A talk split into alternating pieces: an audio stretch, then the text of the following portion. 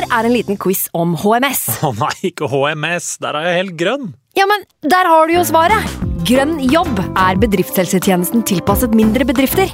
Våre HMS-eksperter hjelper mer enn 8000 bedrifter over hele Norge med alt fra lovpålagte HMS-krav til pålegg fra Arbeidstilsynet. Få på plass bedriftshelsetjeneste på grønnjobb.no.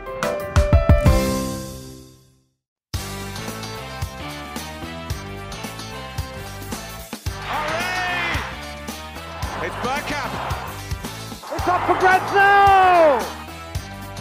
The next station is Arsenal. Hei, hei, og velkommen skal du være til en splitter ny episode med Arsenal Station med Magnus Johansen og meg, Simen Goffeng. Og Det er rett og slett deilig å ha deg tilbake, Magnus, etter noen døgn i London, hvor det så ut til at du hadde det litt over middels ålreit. Eh, Nå er du tilbake i Norge, så skal du få bruke hele, hele kvelden til å fortelle om, eh, om London-turen, og så skal vi selvfølgelig se fram mot eh, Nord-London-derby på, på torsdag.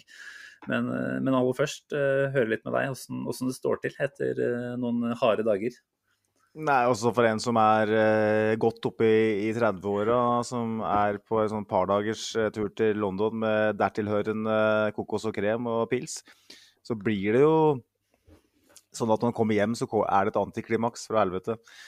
Man er liksom uggen i utgangspunktet, eh, og så har man en Tottenham-matchen på torsdag som gjør at man blir bare enda mer uggen, så jeg har det egentlig ganske ille sånn sett. Men eh, jeg er rik på opplevelser, rett og slett. Det var På godt og vondt, her, sånn. utrolig fin helg. Og så må jeg bare si at, eh, at han som var min erstatter på podden nå sist, han ligger jo på et nivå over meg, for, for å si det mildt. Så utrolig bra levert med Arilis fra TV 2. Han gjorde, gjorde innsatsen, eh, han altså. Så det var absolutt en, en grei erstatter. Eh, Men ikke mer, vil jeg si. Jeg syns du, du holder skyhøyt nivå til vanlig, Magnus. Så jeg setter pris på deg tilbake her, og det tipper jeg lytterne gjør også. Eh, Det var jo noen av de du møtte i London. Jeg føler at eh, selv om vi som sagt skal bruke mye tid på, på Tottenham eh, og hva som venter nå, så føler jeg at det er riktig sted å starte med et lite reisebrev, rett og slett. Eh, Jeg var jo med deg på forrige tur. Må jo bare si igjen at jeg er ekstremt misunnelig eh, på at ikke jeg tok, med, tok, tok turen denne gangen også. For det så ut til at dere fra start til mål hadde det helt nydelig, selv om det var et par eh, det skudd for baugen underveis. da. Men eh, fortell litt, da. Åssen var var det å ture over nå i, i maisola? Ja, det er, det er et stort spørsmål. Jeg tenker Vi kan jo starte med å reklamere for, for Arsenal Norway, som vi, vi gjør i poden her. Ehm, fordi at det som vi fikk være med på, på Emirates Stadium på lørdagskvelden, Mm. var vel en eh, 50-60 pluss uh, Gunners på, på stadion uh, til middag og fotballprat og pilsing. og eh, det er jo en av frynsegodene ved å være medlem. Du får muligheten til å, til å være med på sånne ting. Uh, de øvrige frynsegodene skal vi ta i den mer øvrige episoden vår neste gang, når den enn blir. Og, men uh, de møtreffene der er gull verdt. Men det var en rosin i den pølsa som vi ikke hadde sett for oss.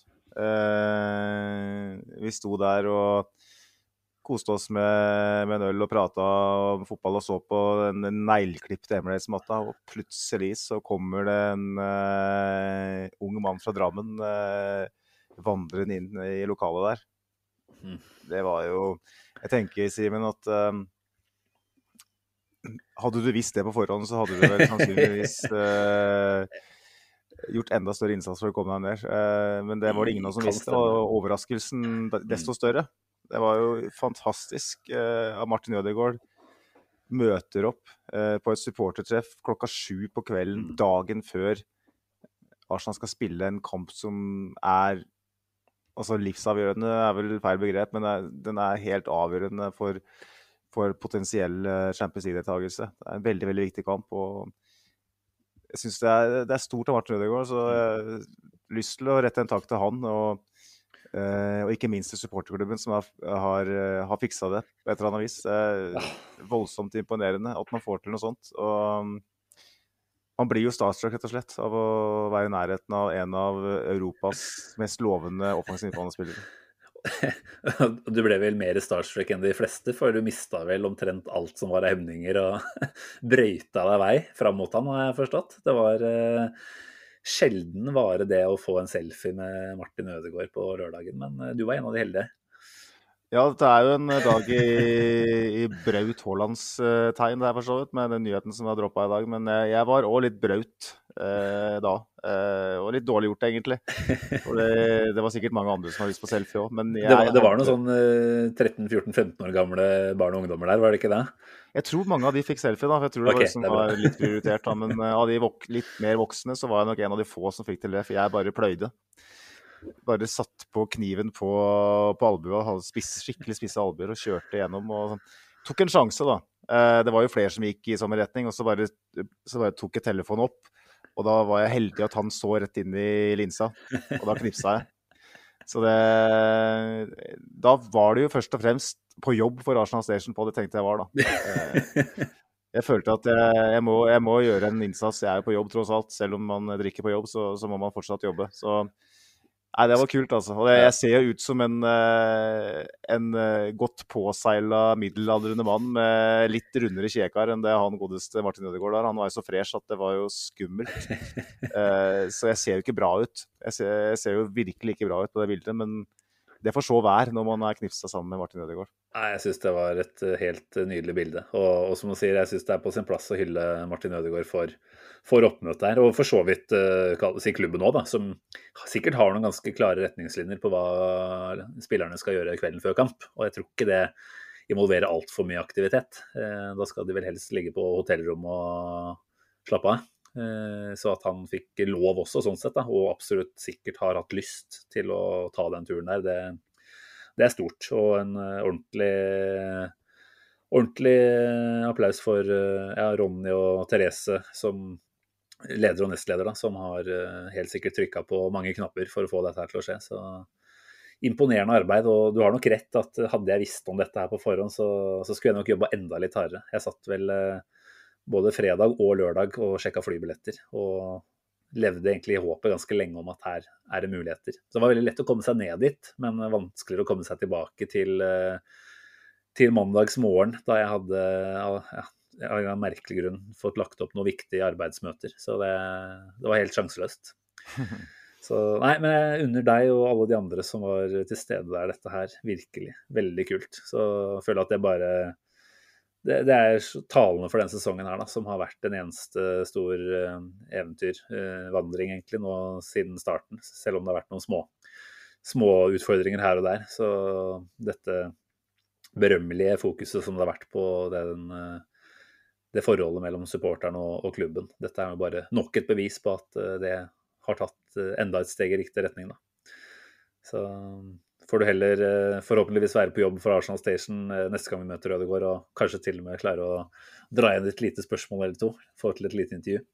Det var det ikke tid til den gangen her. Nei, altså, men, ikke det hadde det, hadde det måtte ikke vært meldt så tydelig at han ikke hadde tid til selfies og autografer og sånn, så hadde jeg nok prøvd meg. Men uh, Nei, at han helt dukker opp er stort. Og det var jo det var en ehm, Det var en type stemning både når han var der på stadion og alt sånt eh, den lørdagen, men òg og liksom rundt i hele området. at Det var en sånn velvilje. Eh, jeg møtte jo en del andre Arsenal-kjendiser òg i løpet av oppholdet. Jeg møtte jo han Clive fra Arsenal Vision og James fra Gunner fra Arskas Extra, da, eller Gunner Blog, som han bedre kjent som. jo Eh, og jeg var jo selvfølgelig, apropos spisse albuer og braut, så var jeg jo litt der da. og Litt mye promille, kanskje. Jeg vet ikke. Men uh, jeg Spør, spør Clive og spør James. Jeg tipper det var ganske høy promille på deg der. ja. Ja, det var vel han godeste Henrik fra Livet som Gunnar påpekte vel på, på Twitter, at uh, capsen min ble bare skeivere og skeivere for hver selfie jeg la ut.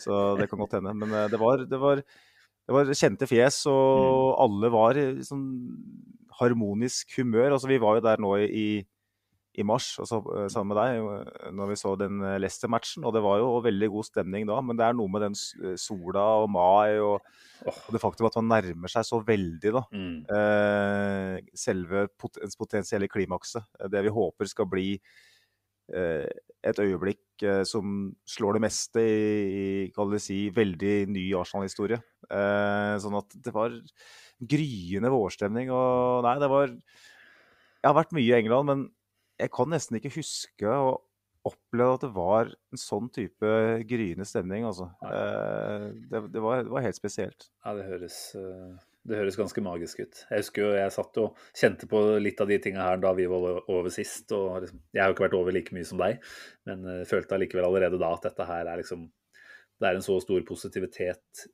på alle steder, da. Altså med ett unntak, som vi skal komme tilbake til, så møter du stort sett bare trivelige medgunners overalt. Og det er liksom et ekstra smil i køer til dassen, og det er liksom Alt er tipp topp overalt, da.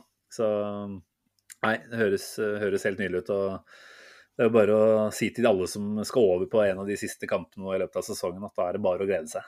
Og bare nyte den deilige positiviteten som syder rundt i Nord-London nå. Mm. Men eh, vi, vi snakka jo ikke så mye om kampen, eh, jeg og Ariles, eh, i poden som ble lagt ut i etterkant av den Leeds-kampen. Litt av det var pga. teknisk trøbbel, litt av det var fordi jeg glemte meg bort, for vi hadde rett, rett, og slett lite tid til å prate. Så det ble ikke så mye prat om det. Vi skal ikke gå altfor mye i dybden i den selvfølgelig nå, det er all news.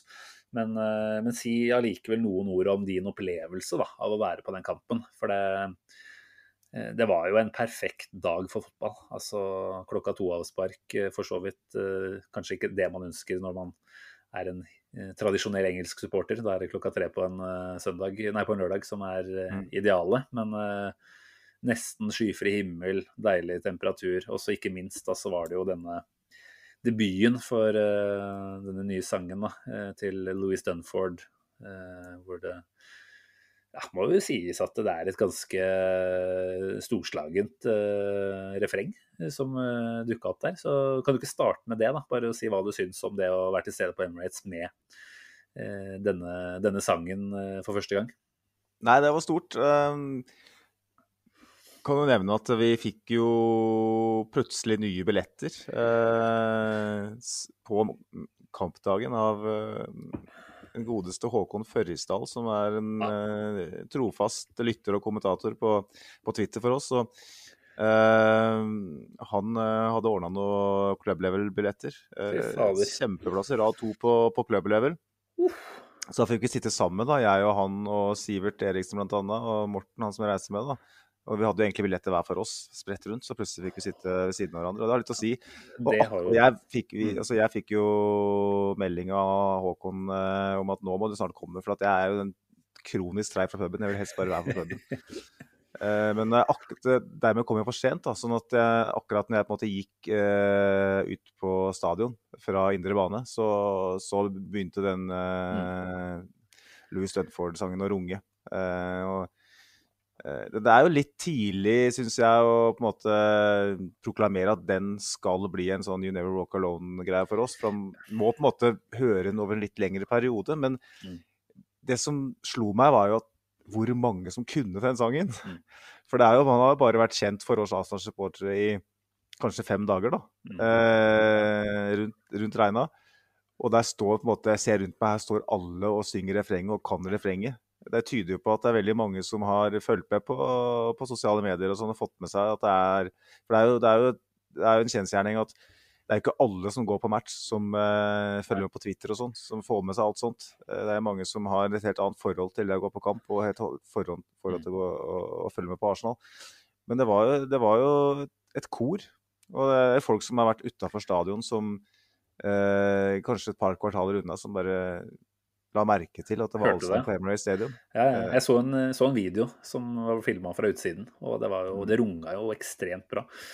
Eh, jeg satt jo og begravde meg i, i Twitter-videoer eh, på kvelden her når jeg satt og redigerte forrige pod-episode. Jeg tror jeg ja. så sikkert eh, akkurat det refrenget der sikkert fra 20 ulike tribuneplasser. Folk som hadde dratt opp telefonen. Jeg, litt fordi altså, Jeg syns jo det er fengende som bare rakkerne, og jeg syns at uh, de som klarer å finne noe negativt i dette her, for det har jo vært noen av de òg. Og det er klart, folk får ha hver sin smak om man syns sangen er bra eller ikke, på en måte. Men, men alternativet er jo at man fortsatt ikke klarer å enes om noe, da. Uh, og, og, her syns jeg man har fått noe som er ganske genuint, da. Som har uh, fått lov til å å bli til uten at det har blitt forsa eh, på noen som helst måte. Altså fra supporterne har det blitt forsa, og det er jo mm. der det skal komme fra.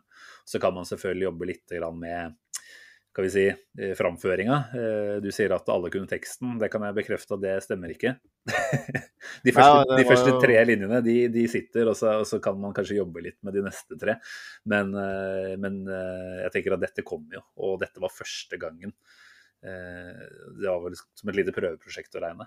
Og jeg tenker at hvis man nå prøver å gjenta dette her allerede mot Everton, og, og bare ser for deg det her på Champions League-kveldene som vi forhåpentligvis får neste sesong, da.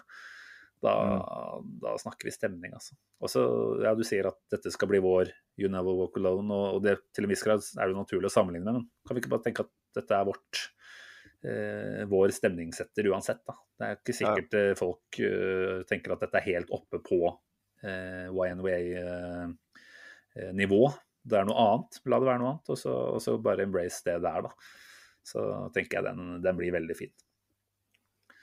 Ja, altså Hvis det blir halvparten av eh, den Liverpool-versjonen, så, så har vi jo fått til noe vi kan være stolte av. Og mm, det er det er ikke sånn at, eh, at det er liv og død her, sånn sett, men eh, jeg føler at vi trenger det. Jeg vet ikke om TV 2-kommentatorer holdt kjeft eh, når det, når, det, når det var, for jeg føler at det, det er folk litt opptatt av. Ja, ikke helt. Og det, og det er jo kanskje forståelig, da, med tanke på at jeg Første gangen, selvfølgelig. Ikke sant? Og dette var jo da en, tror jeg, en kommentator som ikke satt på stadion nå, så han kan jo ikke ha vært helt observant på det. Du skal ha gjort solid research da, hvis du visste at dette skulle eh, dukke opp i forkant av avs- avspark.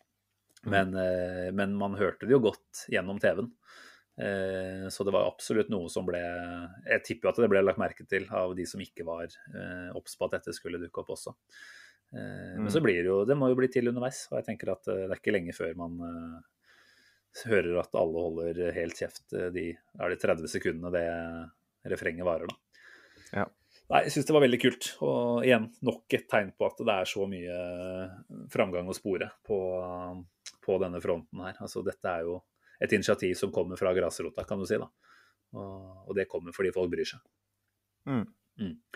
Så nei, rått. Og gratulerer med gode plasser. Det, det høres eh, langt triveligere ut å, å se den kampen her. Ikke minst så nervøs som den ble mot slutten. Å se den sammen med en god gjeng, kontra å skulle sitte for seg sjæl og bite negler. Så eh, jeg håper dere nøyt den alle sammen.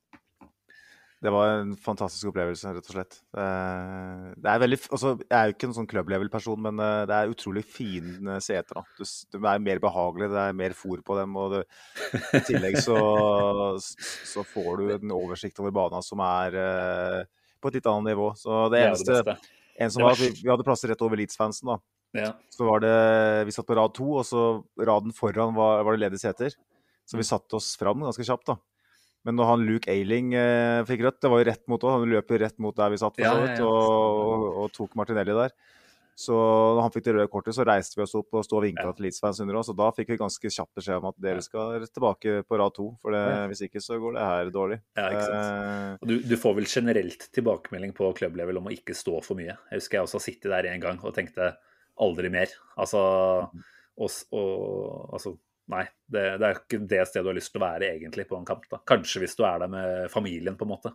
For, å, for at det skal være en rolig dag i, i, i lystig prat, på en måte. Men hvis du skal prøve å være ordentlig engasjert, så er jo ikke det stedet å oppholde seg.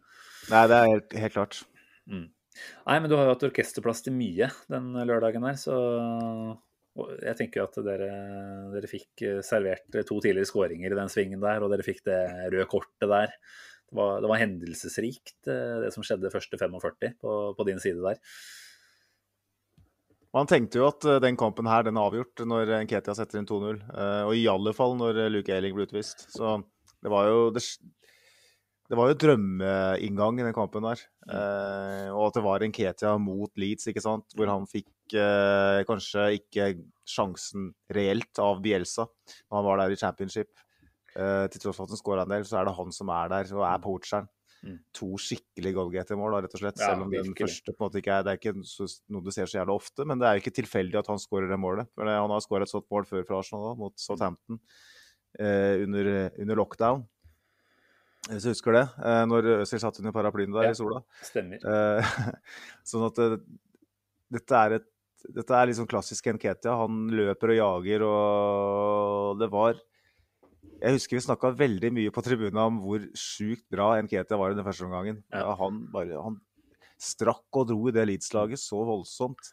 Og det blir litt sånn som når vi henta Ramsdale i sommer, uh, i fjor sommer. At vi, vi var liksom tenkte ja, men trenger vi egentlig en ny keeper? uh, Leno er så bra. Vi tenkte litt med Lacassette nå, ikke sant. At, skjønte selvfølgelig at han ikke var framtida, men vi følte ikke at vi hadde noe i stallen som kunne Nei, gjøre noe annet. Altså, det var, og det var liksom sånn det, det blir så åpenbart da, Mm. når man ser en sånn prestasjon, når man tenker på det man hadde mot Westham òg, at altså, løsningen for problemet var på en måte å sitte rett foran nesa på Arteta så lenge. Ikke, ikke at det, han skulle ha forstått det, for det var det ingen av oss som forsto, men når man ser hva han bi, faktisk eh, bidrar med, og hvor mye det endrer dynamikken i måten vi angriper på, Mm. hvor mye mer skapende og farlig uforutsigbare vi blir med Nketia kontra den eh, godeste Lacassette. Eh, Mm. spesielt hvordan han framstår på slutten. Det er, det er så stor forskjell. og det, det å se det på tribunene, når du ser hvor mye han løper, altså. Hvor mye han løper i kanalene, strekker, Mm. og, og rett og slett er en pest og en plage altså, Mm. for, eh, for de forsvarsspillere. Det er fascinerende å se på. og Det er jo, eh, man blir jo bare glad av å se en fyr som har blitt så til de grader avskilta av alt og alle, som bare svarer på tiltale på den måten. Men er det med litt sånn bittersøt smak i munnen nå, eller? Med tanke på at vi nå reelt eh, frykter at han ikke er her i mange ukene til. Eh, Jeg vet ikke hvordan du tolka han da han ble bytta ut rett for slutt. Det, det var jo en solid applaus opp mot tribuna han serverte, og det, det skulle på en måte bare mangle. Det var jo stående ovasjoner fra, fra dere på Emirates også. Eh, Det er klart Å vise takknemlighet for det er jo naturlig, men eh, jeg fikk jo ikke helt den der adjø-følelsen i den eh, når han gikk ut, men, eh, men jeg tenkte allikevel, er dette her Nei, det er jo ikke siste gang, for han er jo med mot, mot Everton, selvfølgelig. Så, så det, det, noe adjø hadde blitt litt tidlig. Men eh, altså, Vi skal ikke ta for mye prat om det nå, men hva tenker du, da? To minutter. Er Nketia ferdig her? Jeg ser jo Palace har vært nevnt, Westham har jo nå vært nylig nevnt som klubben som er i best posisjon til å sikre seg han. Tenker vi at det er done and dusted, eller eh, tror du at Ketia fortsatt eh, kan se for seg at Arsenal er riktig sted videre? Det kommer jo helt an på samtalen han har med, med klubben og Arteta. Altså, hva slags lovnader får han? Eh, det er helt åpenbart, og for meg og sikkert for de fleste andre, at eh, vi kan ikke gå inn i neste sesong som, med Nketia som det soleklare førstevalget. Vi må hente en ny spiss, et nytt førstevalg.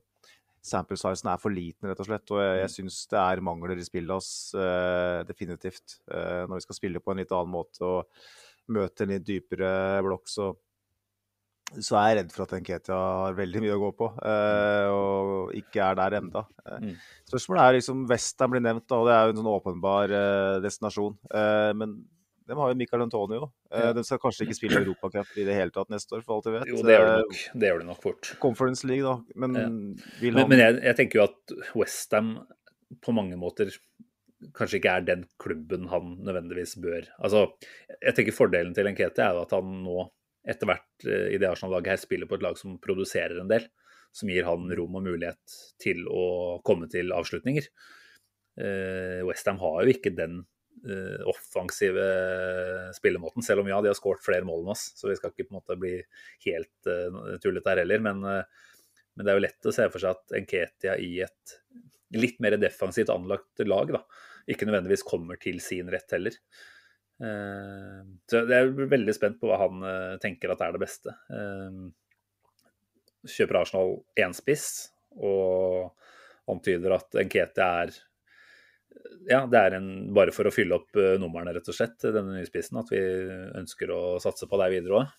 Så, så kan jeg se for meg at han, eh, han kan bli værende. Det kommer an på hvor stor grad av dette her han tenker er sin egen fortjeneste, og hvor mye han tenker at det er Artetas fortjeneste. For han har jo sittet og banka på døra egentlig hele sesongen, men så har jo omstendighetene Mm. gjort at ikke han kunne få plass, egentlig. Altså Aubameyang det var rett og slett ikke mulig å, å benke Aubameyang egentlig foran Nketia, ikke før det ble som det ble. Og når det skjedde, så var jo Lacassette god i en periode. Han, han bidro jo til store deler av det offensive spillet vi, vi så i en del uker da.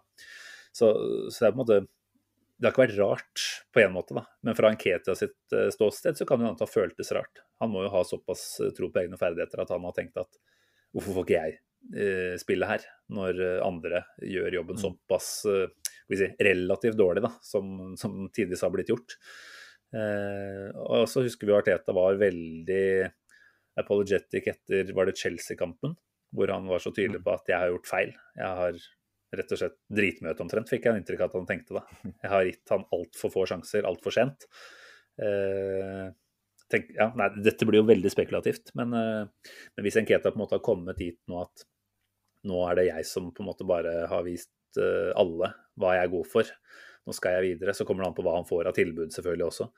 Mm. Uh, nei, jeg syns den er kjempevanskelig, og jeg heller jo mot at han ikke er her neste år. Uh, for jeg tror han tenker selv at han, han skal være et slags førstevalg. Da. Uh, og hvis han kan få en slags lovnad om det i en, kanskje en topp åtte-klubb i Premier League, eller ja, Det er ikke så mange av de, da. Utenom topp seks er det vel Ja, det måtte blitt Westham eller eh, Hva kan det være? Et, eh, et Leicester eller et Aston Villa, Brighton. liksom. Ja, et Brighton.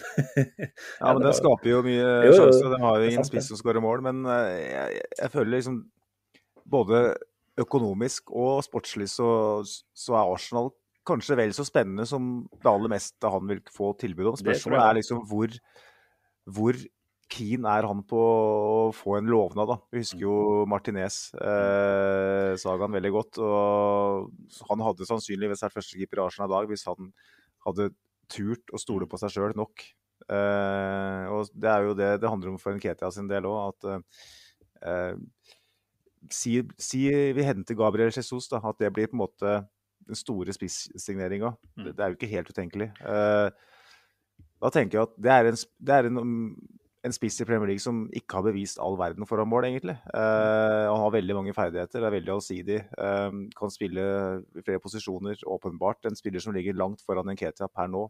Uh, men hvis han, hvis han backer seg sjøl mot en Jesus, og vet at Arsenal potensielt Ja, det vet vi jo da, på det tidspunktet. Hvis Arsenal er i Champions League, skal spille to kamper i uka eh, Hvis han virkelig backer seg sjøl, så Mm.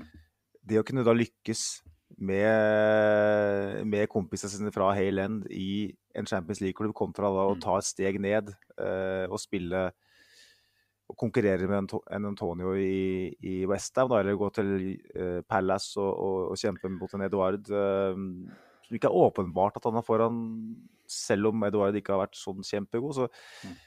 det er, og i, Tyskland har blitt nevnt en del. Eh, det er jo en, yndet destinasjon for, for unge spillere eh, Mm.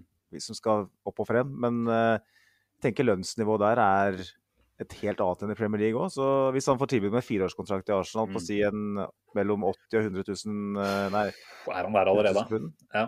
Ja, det er jeg ikke så usikker på. Det, Nei, altså, det vil jeg nesten tro. Ja, nei, jeg kan jo lett tenke at nå viser Nketia sitt eh, virkelige nivå. Alternativt så kan man jo også tenke at han er på en hot streak à la det Joe Willoch viste i, i tida si Newcastle, som jo gjorde at de egentlig ikke så noe annet valg enn å øse ut en ganske solid slump penger for han. Og så har jo det på en måte roa seg ganske greit. Eh, nå har ikke jeg sett på tallene til Enkete, jeg vet ikke om du har fått tid til det heller, men, men inntrykket er jo ikke allikevel at det er tilfellet her, da. Altså, Nketia er dyktig foran mål, eh, og han kommer til mye avslutninger. Altså. Jeg hørte vel et sted at han har kommet til elleve avslutninger nå på de siste to kampene. Ja. Eh, så kan man selvfølgelig diskutere om han burde tatt absolutt alle de, men, eh, men han har liksom ett hovedfokus, da. Litt sånn som ikke sammenligning for øvrig. Eh, Haaland her. Altså, han er på banen først og fremst for å skåre mål, og han lever for å skåre mål. Eh, han er så sulten, da. Og det er jo mye mer enn du kan si om, om det vi har fått fra ja, Lacassette særlig denne sesongen her. Altså, det var jo en spiss som ikke så på det som sin hovedoppgave å skåre mål. Eh, så så lenge Nketia spiller i et så velfungerende lag som det Arsenal etter hvert nå begynner å bli, så, så er det jo lett å tenke at det, ja, det er et veldig bra sted for han å være videre. Da. Så det blir veldig interessant om han på en måte sammen med sine agenter eh, ja, gjør de samme vurderingene og da tenker altså hva, hva er et riktig type fotballag for meg å skinne i. Og, og Mm. selvfølgelig med denne pakka med det sportslige nivået, lønnspakker, eh, eventuelle lovnader om hvor mye spilletid og sånt. Da. Men, eh, men med europafotball nå uansett, eh, så vil det jo åpne seg store muligheter for spilletid. Eh, ja, hvert fall Jeg vil jo se for meg at han starter Si at han potensielt sett er i Arsenal neste sesong, da. Så starter han eh, sikkert 20 ligakamper neste sesong. Ja, det kommer jo helt an på hvem vi henter, selvfølgelig. Uh, jeg vet ikke om jeg er enig, enig i det, men uh, Ok, Kanskje by, by, litt lavere, da. By, 20, by, det er jo ja, det er sant. Jeg, jeg tenkte liksom at uh, det kommer helt an på Champions League-gruppespill og alt sånt òg, hvis vi er der. Ja. ja. Det var kanskje litt, litt heftig. Jeg ser den.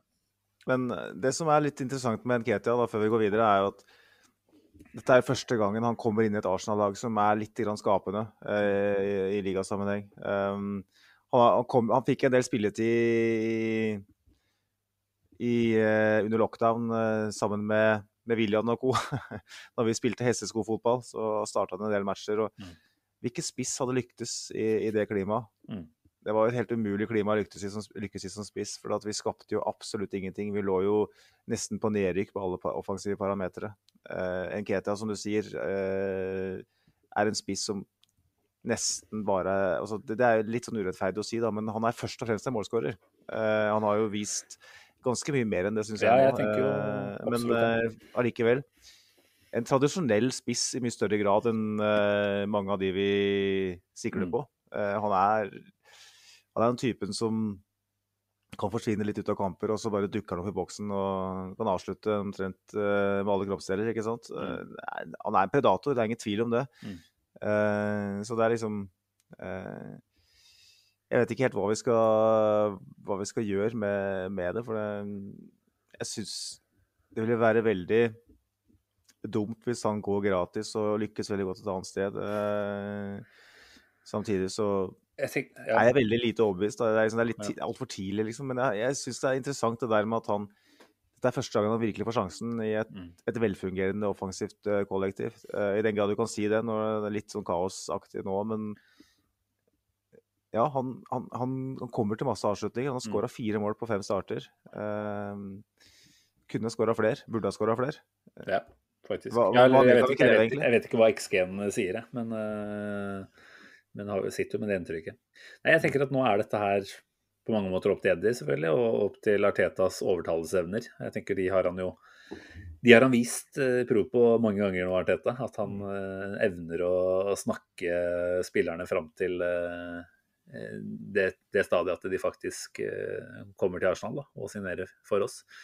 Så, så, jeg vil jo tro at eh, alle steiner er snudd, og hvis det da viser seg at Nketia tenker at nei, men jeg, jeg må prøve sjansen og stikke et annet sted, så, så kan man liksom ikke sitte i ettertid og, og være sånn Fader, altså. Dette her har Arsenal driti seg ut på. For nå har jo Arsenal virkelig forsøkt det de kan. Så tenker jeg at vi, vi har forhåpentligvis en annen uh, superspiss uh, å se fram mot uh, neste sesong uansett med, da. Så blir jo da mm. hele spørsmålet hva skjer bak denne hovedspissigneringa? Hva mer gjør vi? Men det, det, det, tenker jeg er en prat vi kan ta mer etter sesongen også. Vi, vi har mye, mye, tid å slå i hjel i løpet av sommermånedene. Kan vi heller komme tilbake til stallplanlegging og sånt da. Jeg tenker det er jo en podkast her som blir publisert på onsdag morgen, sannsynligvis. Blir vel det. Eh, dagen før Nord-London Derby. Eh, lille NLD-aften. Eh, jeg vet ikke om vi skal snakke noe mer om Leeds-kampen nå der, for jeg føler at det er old news. Nå tror jeg alle bare tenker på det som skal skje på torsdag. Jeg har en, en, eh, en Finsbury Park-historie som jeg tenker jeg tar til slutt. eh, som kan være yes. Til skrekk og advarsel. Skrekk og advarsel, ja. Eh, med tanke på turen, da. Men ellers så føler jeg at nå er det på tide å, mm. å rykke frem til torsdag og, og, snakke om det som gjør at uh, mange av oss uh, ikke får sove om natta og har mageknip fra helvete, egentlig, hver eneste gang du tenker fotball. Jeg vet ikke, Simen, er det Hvordan takler du det her? Hvordan klarer du å håndtere det, den følelsen du sitter med nå, eh, med tanke på hva som skal skje om et par dager? Altså, jeg, må si at jeg tror den kunne vært langt verre enn det den er, da. Altså, jeg, selvfølgelig så er det veldig fryktinngytende å, å se for seg ja, de verste scenarioene som kan skje. Men allikevel så, så, kunne det jo vært så mye verre. Altså hadde, hadde ikke Liverpool fått den utligninga på, på, lørdag, så hadde, hadde, utgangspunktet før den kampen vært at vi, om ikke måtte vinne, så i hvert fall ikke kunne tape den.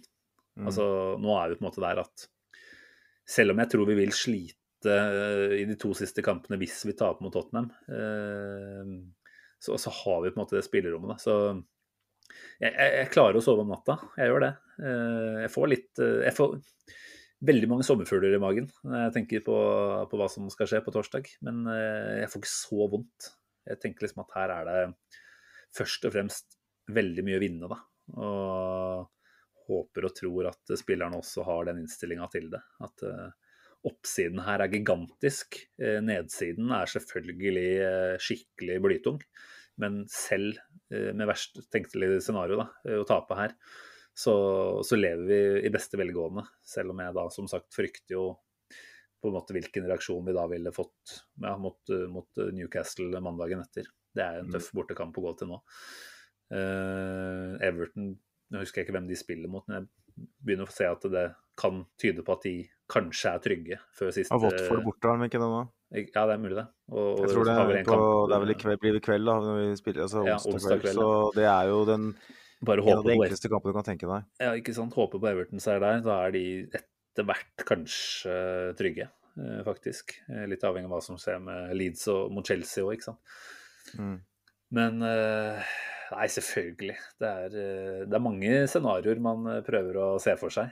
Eh, men til nå har det vært mer sånn drømmende scenarioer om hvem av Arsenal-spillerne er det som skårer det avgjørende målet, og på hvilken måte skjer det. Så, ja, det er ikke bra. Nei, ja, men jeg har dette positive fokuset, det, det veit du. Eh, jeg klarer ikke å unngå det. Eh, selvfølgelig så tenker jeg andre tanker òg, men, men, det må liksom først og fremst være den, den drømmen som, som, driver meg fram mot torsdag. Altså. Så jeg sitter og lurer på hvem, hvem håper jeg aller mest på. Og jeg tror jeg heller mot uh, Saka, faktisk. En mm. liten curler inn i lengste, og så knee-slide foran uh, bortesvingen mot slutten av andre omgang. Det, det, det, er ikke så usannsynlig heller, da.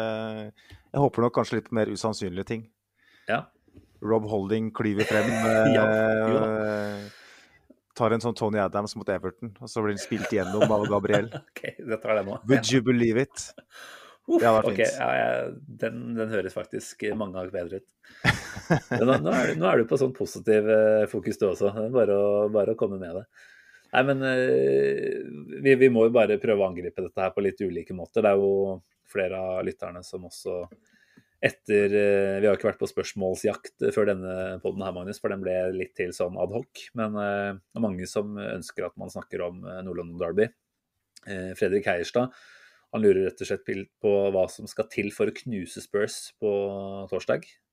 Eh, vi kan jo bare ta eh, regla med NLD-spørsmål hele, hele pakka her nå med en gang. Stian Børling fra Arsenal Kristiansand, leder i Arsenal Kristiansand er han også, eh, spør om hvem blir de viktigste brikkene til torsdag. og da i den samme gata der så så spør Oskar eh, Rosnes om eh, styrkeforholdene i NLD på torsdag. Bør Arsenal stille en femmer bak om White er tilbake? Mye å ta tak i her. Det er veldig mange aspekter både ved spillemateriale og, og hva slags type taktikk man skal gå, ja, tenke ut fra start. Da. Uh, du har sikkert rukket å tenke en del rundt dette allerede, Magnus. Hva er det du håper å få se uh, fra, fra start? Det er gode spørsmål. og det siste der er jo kanskje det jeg har eh, grubla mest på. Det er nok ikke jeg som skal ta ut laget, men altså en femmer bak, det, det, det, høres litt fristende ut, jeg må si det. Og så stenge av de rommene som Son og Kulusevski i, stor grad går i. Mm. Eh, kanskje i tillegg ha en, en, sentral stopper som sammen med Leni går opp i, i rommet der Kane skal eh, flikke gjennom. rett og slett ta det ene våpenet Tottenham har. Da. Mm. For de har ett våpen, men det er også sylskarpt og så bra at, at, det kan drepe hvem som helst hvis du ikke er påskrudd. Eh, spørsmålet er litt sånn Spørsmålet spurte liksom hva er den viktigste spilleren osv. Jeg tenker jo at uh, sidebekkene kanskje nesten er det viktigste her. Yasu blir voldsomt viktig. og Jeg vet ikke hvor han skal spille, om han skal spille på høyre eller venstre, men han er jo så han har en enorm evne til å tilpasse seg, så han kan jo gå inn hvor som helst, virker det som. Det er ingenting som biter på han. Uh, sånn at hvis man kjører f.eks. En, en Det er mange som har foreslått en firer da, med med Ben White på høyre, Tommy Yassi på venstre og Gabriel og, og White mm. eh, inne. Du kan jo kjøre samme variant, men med Tommy Yassi på høyre. Eh, og så kjører du Holding White, Gabriel i, i treeren. Og så mm. har du da en Cedric eller en Tavares på venstre vingbekk. Jeg tror Tavares akkurat den anledningen her skal få lov til å, Jeg tror han skal få sitte rolig på benkene. Eh, jeg bare tenker tilbake til den Chelsea-kampen. Der hadde man jo en sånn hybridvariant, hadde man ikke det? Eh, hvor Saka var en slags eh, han fikk, lov, han fikk mulighet til å både være en høyre vingbekk og en høyre kant. Litt avhengig av hvordan man rokerte rundt på laget. Så, mm. så, jeg tenkte at det også kan være en mulighet man altså Det er jo litt klassisk Arteta, selvfølgelig, det å, å fortsette med noe som har funka i, i kamper tidligere. Så en, en treer bak med Gabriel Holding White, og så litt usikker på Tomiyasu på venstre wingback, men jeg kan se for meg at han vil være smart nok til å måtte ha det som en slags utgangsposisjon, eventuelt en litt dypere wingback, så du på en måte har han i denne forsvarsfireren slash femmeren, og så kan ja. Saka i større grad være et litt urmoment som kan bevege seg mer framover fra høyre wingback-posisjonen. Eh, for det er klart, det er mange Eller det er ikke mange ting, men det er noen farer hos det Tottenham-laget her som vi må være veldig obs på. Og det er jo den fronttrioen. Sånn på høyrekanten, eh, nei på venstrekanten. Det blir jo veldig interessant å se hvordan vi, hvordan vi dealer med det. Han er vel kanskje formspiller nummer én i Premier League nå, nesten. Mm. Kulusevski har vel flere assist enn noen andre siden han kom i, i januar. Så Nei, Jeg er kjempespent, jeg. Ja. Eh, og så så jeg da, med tanke på at vi snakker om eh, fire eller fem bak, en, en uh, oversikt på Twitter. Som jeg kan ikke gå god for den, men, men hvor det skrives at Conte i løpet av de kampene han har spilt mot Arsenal til nå Han har spilt mot Arsenal åtte ganger. han har vunnet kun én av de. vunnet én, tre uavgjorte, fire tap alle de eh, Arsenal har vært uh, ubeseiret i, har man spilt med en femmer bak. Og det eneste tapet kom uh, da Arsenal starta med en, en backfirer. Ja. Så er spørsmålet hva Altså det er jo mange omstendigheter som spiller inn her, naturlig nok. Men, men jeg, jeg, tror nok at Arteta heller mot den inngangen der. Og da mm. en slags kopi av Chelsea som gjør at man er veldig enkle og, og fleksible hvis man ønsker å gå over til en firer. Ja, og det, da, da da får du det beste ut av en Tomiyasu ikke sant, i en, en høyere rolle, hvis han spiller der. Uh, jeg, jeg, er der at uh, Jeg forstår at folk tenker at man må bare få han over på venstre, fordi at man ikke har så mye andre alternativer der. Men, mm. Og naturlig tenker Ben White på høyre, men jeg, jeg føler Hong Min Son er mm. den beste spilleren Tottenham har, og kanskje akkurat nå topp to, topp tre Premier League. Sett den beste én-mot-én-forsvareren mot sånn, mm. og det er mm. Tom Yasu. Han ja, nøytraliserte fullstendig på Emirates. Uh, Kulisevskij selvfølgelig er et kjempevåpen, men jeg, jeg, jeg, ville ikke Jeg hadde ikke våga å kjøre Tom Yasu på andre sida når du har sånn der, for at han må stoppes. Han, han kan skåre fra alle posisjoner, eh, fra alle situasjoner. Han må, han må tas, og så må du ta mm. Kane. Og da Brighton spiller vel gjerne med en med en sånn type uh, formasjon med tre bak. Uh, og sånn jeg forsto det, jeg så ikke den kampen, men uh, jeg har sett Brighton i flere andre kamper. og da, og, da hadde de vel en, en, midtbanespiller som bare lå på Kane hele tida. Det husker vi gjorde med Aaron Ramsey og under Emery. Tok ut Harry Kane fullstendig, bare lå og, og stressa han hele veien. Elneni-jobben der, da? eller? Ja, jeg tenker Elneni er naturlig. Han er en press, ja, en sånn type som dekker mer rom enn noen andre. ikke sant? Mm bare ligge For Aaron Ramsey gjorde den jobben fantastisk bra. Uh, bare ligge på Kane hele veien. Så tar du ut Kane, og så har du Tommy Yasu der, som gjør litt sammen med sånn. Mm. Uh, og du har da, som du sier, en femmer, uh, hvor du ikke har de åpenbare rommene å gå inn i. Uh, du kan fremdeles det så vi mot Chelsea. Kan fremdeles eh, angripe eh, en sånn type fleksibel formasjon hvis du da har en Saka da, som du foreslo på en av vingbekkene. Mm. På venstre vil jo det kanskje bli naturlig. Eh, Ja, ut ifra ditt eh, forslag Ja. så blir det venstre han må nesten det er spørsmålet om skal, om man skal Eh. gjøre det, da, for da tar du han bort fra Ødegaard. Og det er jeg heller Mm. ikke noe fan av, da. Men Nei, poenget er at Arsenal er i en situasjon nå at en uavgjort er nest, for meg er nesten som en seier i den kampen her. Jeg vet jo at en seier er en veldig stor seier, men uavgjort den kampen her er et massivt resultat for Arsenal. For at da trenger vi tre poeng fra Everton og Newcastle.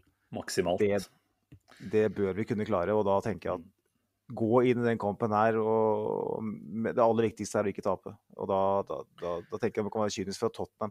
Du kan ikke gi dem rom. Du kan ikke gå i strupen på dem og stå høyt og prøve å ta initiativet. for at det kommer til å ta deg. De er, de er så gode på overgangen at uh, jeg tror ikke vi tror ikke noen av oss kan undervurdere hvor gode de kan være på kontringer. Så Nei, det- Liverpool eh, nå at, de, Ja.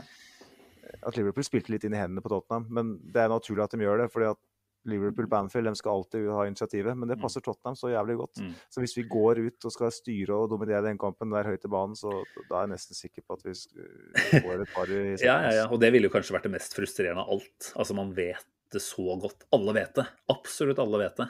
Og man Mm. har fått så mange eksempler på at eh, det er dette Tottenham er gode på. Da. Altså, vi husker jo med forferdelse den eh, 5-0-kampen uh, de så ved Everton, hvor det var sånn Everton trengte poeng, Mm. og allikevel så gikk de ut der og bare la seg helt nakne og lot de gjøre akkurat hva de ville. Så jeg snakka litt med Arilis om dette her. Vi toucha bare så vidt innom Nord-London Derby i den forrige praten. Men han, han sa jo noe overraskende egentlig for meg, at eh, han så for seg at Conte, som ikke eier skam, bare ville fortsette med det de er gode på. Altså gå ganske forsiktig ut fra start. da. Eh, jeg tenker jo at for det første så har du egentlig sånn poengmessig egentlig ikke råd til det. altså Det kan ikke gjøre det helt helt umiddelbart, bare for å prøve å lokke Arsenal fram. eh, For å bare ta, ta og føle på stemning. Men jeg tenker at hvis det er noe eh, Conte sender laget sitt ut på og gjør både fra start, men også et stykke utover i første omgang, så, så ville jeg tenkt at det fort skaper eh, både frustrasjon og, og potensielt eh, andre følelser hos eh, hjemmesupporterne her, da, som veit at det er egentlig bare seier som er godt nok. Mm. hva, hva tenker du om det? Altså, klarer Konto å, unngå å gjøre det alle tenker at han skal gjøre? Det er vanskelig. Da. Det blir litt sånn som eh, Thomas Alsgaard og Mario Dusolt på tredjeetappen i, i stafett. Da. Eh, eller fjerdeetappen, som for så vidt gikk noen ganger òg, med Alsgaard. At eh, det er to som bare ligger, og ingen som vil dra. Det er ingen som vil ta, ta styringa. Hvis begge, begge lagene har samme kampinngang, så hvem er det som blir utålmodig? Hvem er det som på en måte Og da er det naturlig å tenke at hjemmelaget blir nesten piska frem av Mm. supportere. At nå må Mm. dere prøve å skape noe. For det er jo Tottenham som tross alt har presset på seg her. Mm. Uh, så jeg føler at nøkkelen ligger veldig hos Arteta. Uh, hva slags kampinngang velger han?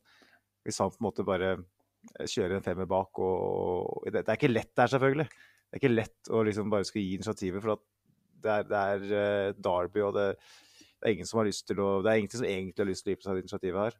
Uh, men jeg føler at Arteta, han, med tanke på Arsenals eh, posisjon, så har han et, et luksusproblem på en måte, sånn sett. Han, han kan velge flere innganger. Eh, han kan velge å gå for, eh, gå for det, eh, for han vet at det ligger så mye i potten. Men han kan òg komme veldig greit utenom å bare Mm. gi eh, Tottenham initiativet. Um, Conte er en kyniker av rang, så hvis han føler at Arsenal eh, er i ferd med å overcommit og, og, og ta initiativet, så kommer han bare til å kose seg. Mm, Eh, mm. han er mer, at han kommer til å være ganske fleksibel sånn sett. Eh, så det, er- det er en kamp som jeg tenker for Teta sin del. Han har et luksusproblem, ja, men scenarioer er veldig greit for han å tenke. ikke sant? Eh, får vi en tidlig scoring, så, så er det åpenbart hva man skal gjøre. Han er veldig god på, på å ri på ledelser. Eh, sitter man med mulighet til uavgjort, så er det åpenbart hva man skal gjøre. Eh, kommer man under, så ja, da er det jo igjen åpenbart hva man skal gjøre. Men hva man, Jo, men- hvordan man skal gå inn i kampen, det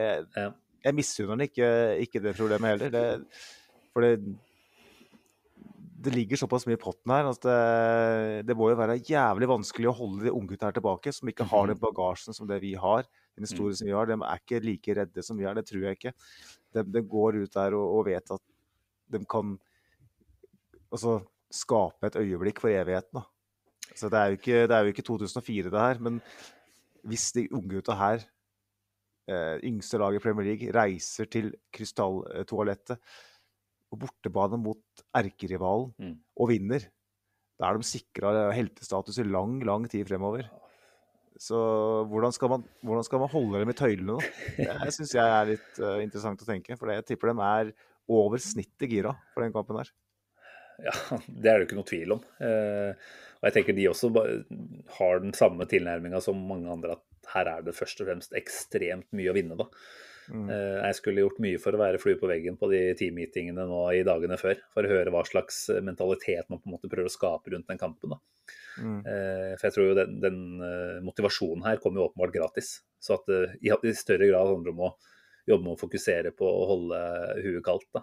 Og ikke la seg rive altfor mye med. Selvfølgelig til en viss grad så må man jo bare nyte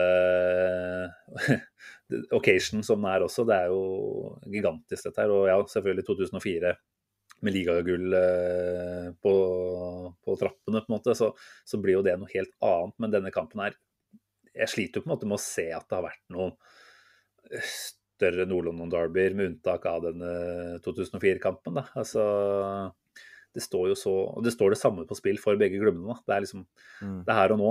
Eh, For Arsenal selv så er det jo mange år egentlig nå med å havne bak Tottenham på tabellen. Altså St. Optringham Day har jo ikke feira siden 2016, 2016, ja. hvor Stemmer det. vi dro forbi på siste, siste serierunde den eh, sesongen der. Så er det klart, når du da selvfølgelig har mulighet til å komme tilbake i det gjeveste europeiske selskapet, og samtidig sørge for at Tottenham ikke gjør det, altså virkelig slå en spiker i kista i den eh, Nei, en spiker i den kontekista, da. Eh, Tenke at han kanskje ikke gidder mer. Eh, Det, det står så mye på spill her, da. Mm. Så nei, altså Amazon-dokumentaren den har jeg gleda meg til lenge. Og sånn som den sesongavslutninga her blir nå, så, så kjenner jeg at jeg bare Jeg kan ikke nesten få den kjapt nok, bare for å se hvordan, hvordan det jobbes i kulissene i, i de ukene her nå. For det, det er en ekstrem prøvelse, selvfølgelig. Altså Disse gutta her, eh, de fleste av de har jo ikke spilt Champions League i det hele tatt. Eh, har kanskje ikke spilt større kamper enn den de skal spille nå på torsdag. Eh, den ramma der kommer til å være helt ekstraordinær. Så jeg tenker det blir nok et eh, Vi får på en måte nok et eh, bekjentskap med de mentale sidene til den gjengen her. Da. Vi har jo blitt imponert stort sett av hva de har å, å komme med. Så jeg skal ikke si at jeg føler meg trygg, selvfølgelig ikke, det blir jo dumt. Men, eh, men en del av meg er liksom Det er at eh, denne gjengen veit hva de holder på med. Da.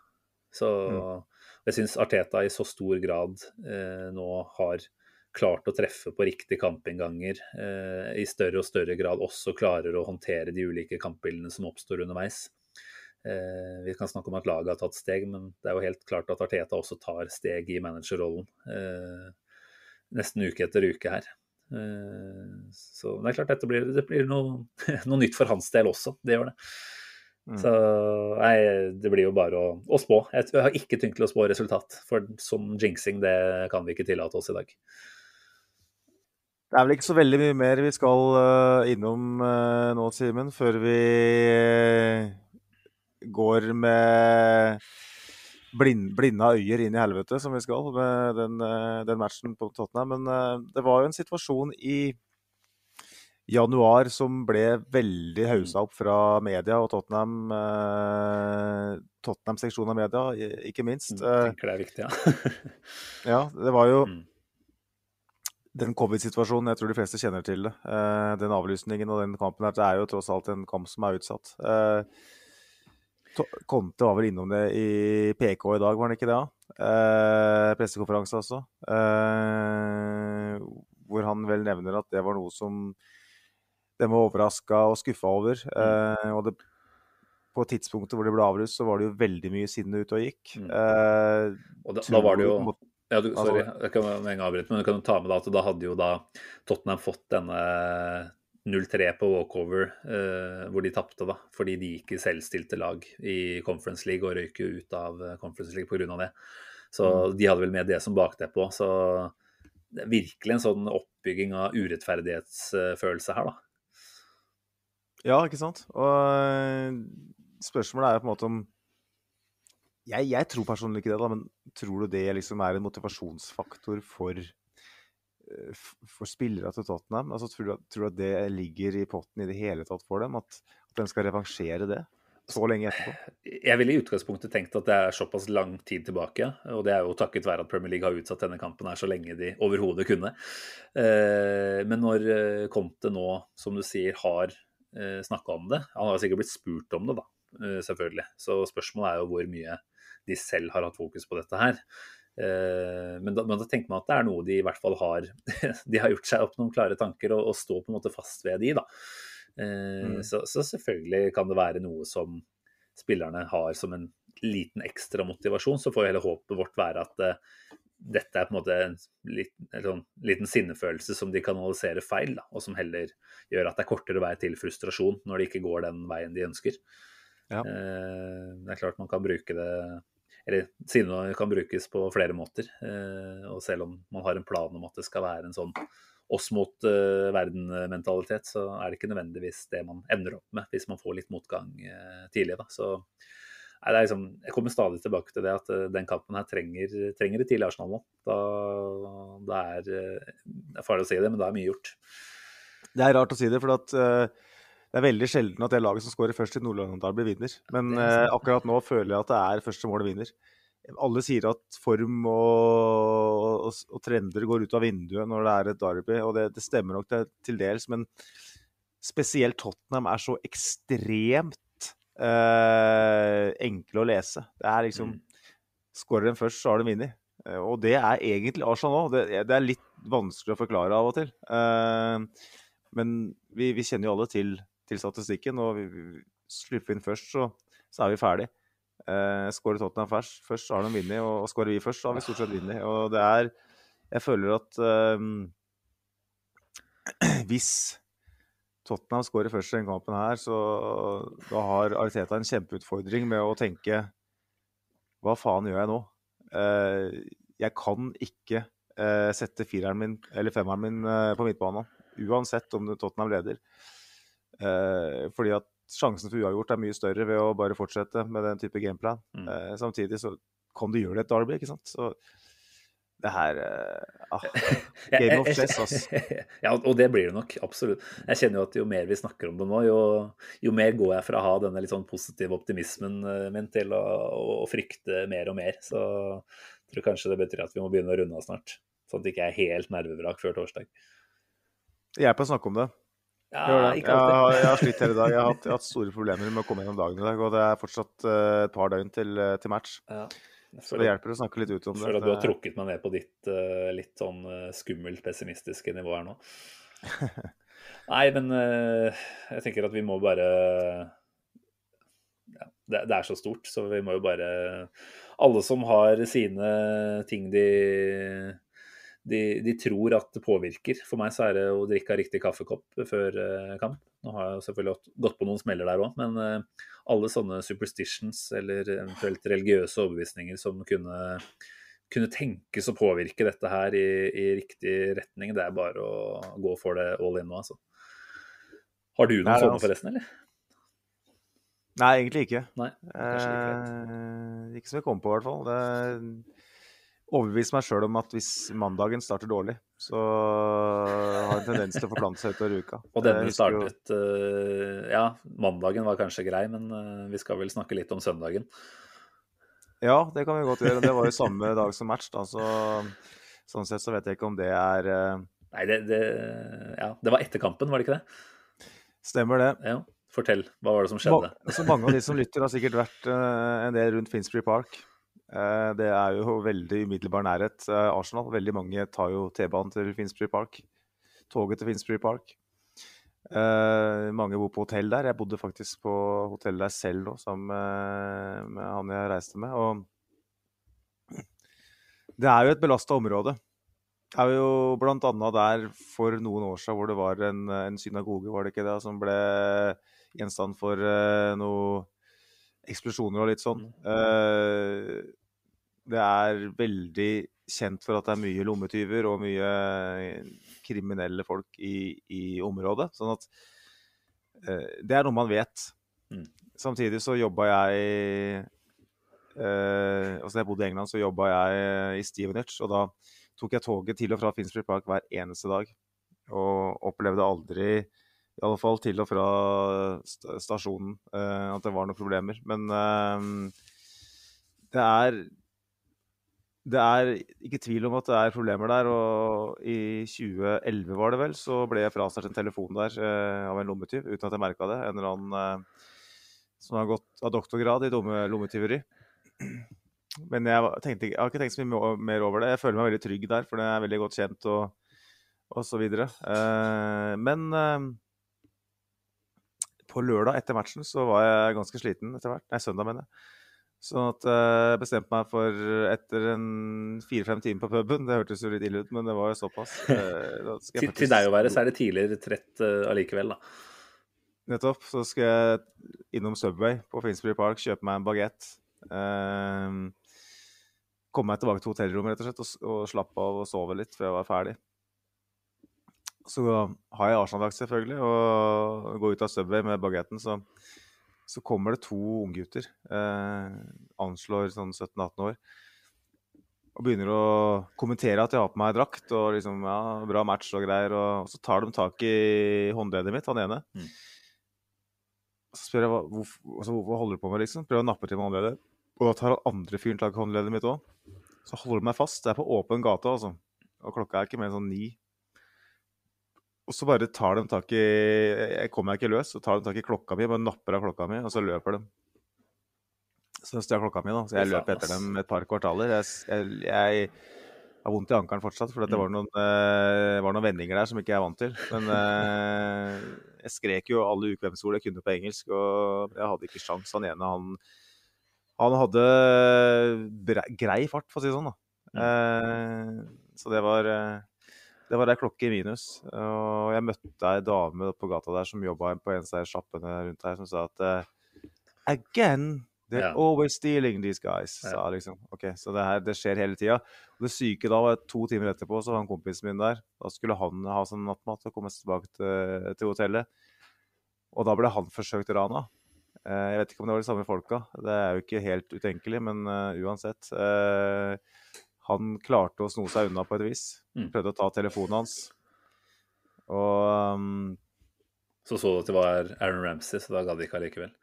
Det kan godt være. Nei da, jeg skal gi meg med de sammenligningene der nå.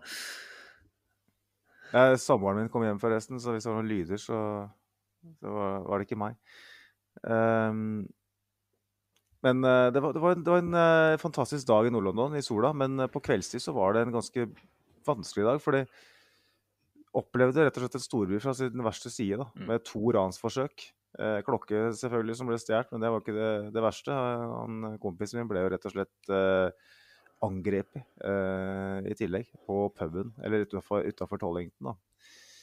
Av en eh, veldig rusa fyr. Mm. Eh, en stor bryter som eh, absolutt skulle sitte bak lås og slå. Eh, det var en merkelig episode, forsto jeg. At han hadde, skulle kjøpe noe øl til noen folk rundt seg, og så hadde han kompisen min òg fått en øl til han. da. Og så hadde han blitt sånn, litt sånn forfjammet overraska, så han ikke takka ordentlig. Hm. Og det var, det var, tydeligvis legitim grunn til å gå til frontalangrep og banke til. Så Såpass. er jo slått ned, rett og slett. Da, uh, da er ikke huet helt i vater hos uh, han kam kameraten her, nei.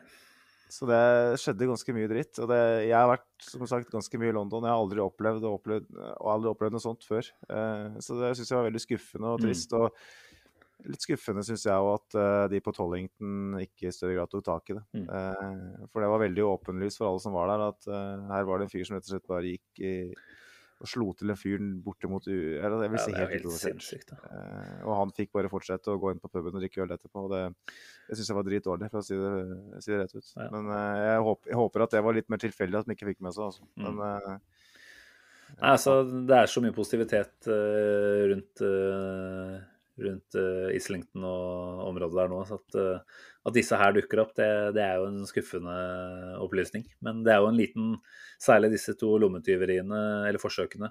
det er jo et, et liten, en liten påminnelse til andre norske supportere som sikkert skal over nå i, i forbindelse med den siste serierunde, at det går an å holde seg holde seg litt unna og i hvert fall være veldig årvåken på hvem du lar komme tett opp til deg.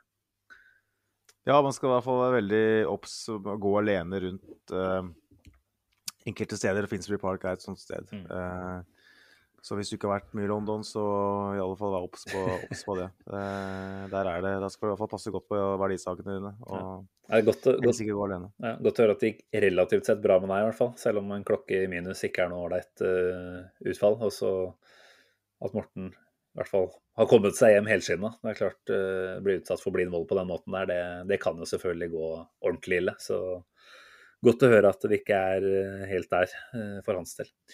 Men på det litt triste stedet der, så kan det vel være på sin plass å, å heller si at vi, vi er tilbake med en, en ny pod eh, om ikke altfor lenge. Uh, vi vet ikke helt når. Uh, det skal jo spilles en kapp eh, ganske snart. og vi, vi, kan ikke love at vi er på plass direkte etter eh, med noen ny eh, Tottenham-kampprat, men, men, plutselig er vi tilbake. Nå har vi bare å, å be til det som finnes av høyere makter og eventuelt andre ting man stoler på. Og så krysse fingre og håpe på det beste for torsdag kveld. Det er jo litt julaften for meg i dag, ettersom uh, det er en, uh, en guddommelig skikkelse som har bursdag. Dennis Berkamp blir 53 ja. år i dag. Gratulerer med dagen, Magnus. Så jeg håper jo på en måte at fotballgudene kan, uh, i kraft av han, kan skjenke oss en, en gave sånn sett. For det, det som nå, skal skje nå, det er Det er så viktig at det er vondt. og så Det er nesten sånn at man må si at ses på andre sida. ja. rett og slett. ja, nei, vi, vi, kan ikke gjøre annet enn å bare pine oss gjennom det. Og så får vi håpe at det avsluttes på, med gledesrus. Altså ikke, ikke, den type rus som han eh, du nevnte her nå nylig var utsatt for, men eh, bare positive rusfølelser. Det, det kan vi like.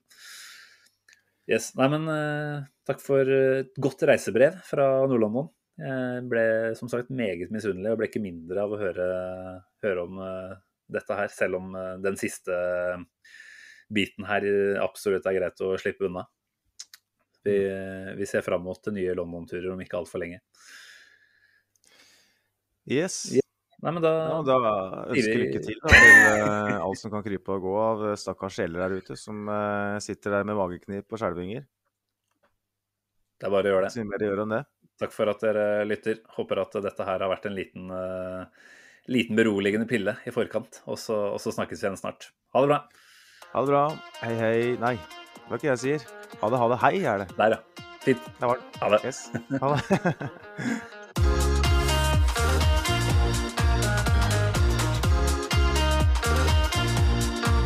This train terminates here.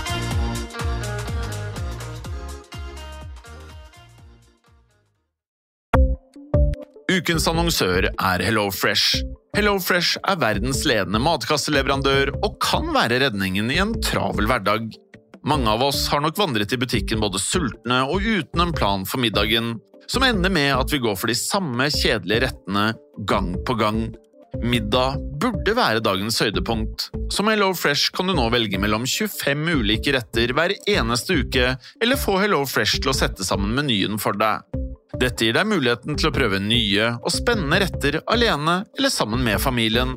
Du velger antall porsjoner og får alt levert på døren på et tidspunkt som passer for deg. Oppskriftene er enkle, og maten er lett å lage både for store og for små. Ved å få alt levert hjem får du også mer tid til å dele matgleden med familie og venner. Kanskje det frister med asiatiske tacos eller greskinspirert kylling? Da kan jeg anbefale deg om å gå inn på hellofresh.no. Her kan du bruke koden FOTBALL og få opptil 1779 kroner i rabatt på de første fem matkastene hvis du ikke har prøvd Hello Fresh tidligere. Du kan også bruke rabatten hvis du har vært kunde og stoppet abonnementet ditt for tolv måneder siden eller lengre. Gå inn på hellofresh.no og bruk koden FOTBALL. Har du et enkeltpersonforetak eller en liten bedrift? Da er du sikkert lei av å høre meg snakke om hvor enkelt det er med kvitteringer og bilag i fiken, så vi eh, gir oss her, vi. Fordi vi liker enkelt. Fiken superenkelt regnskap.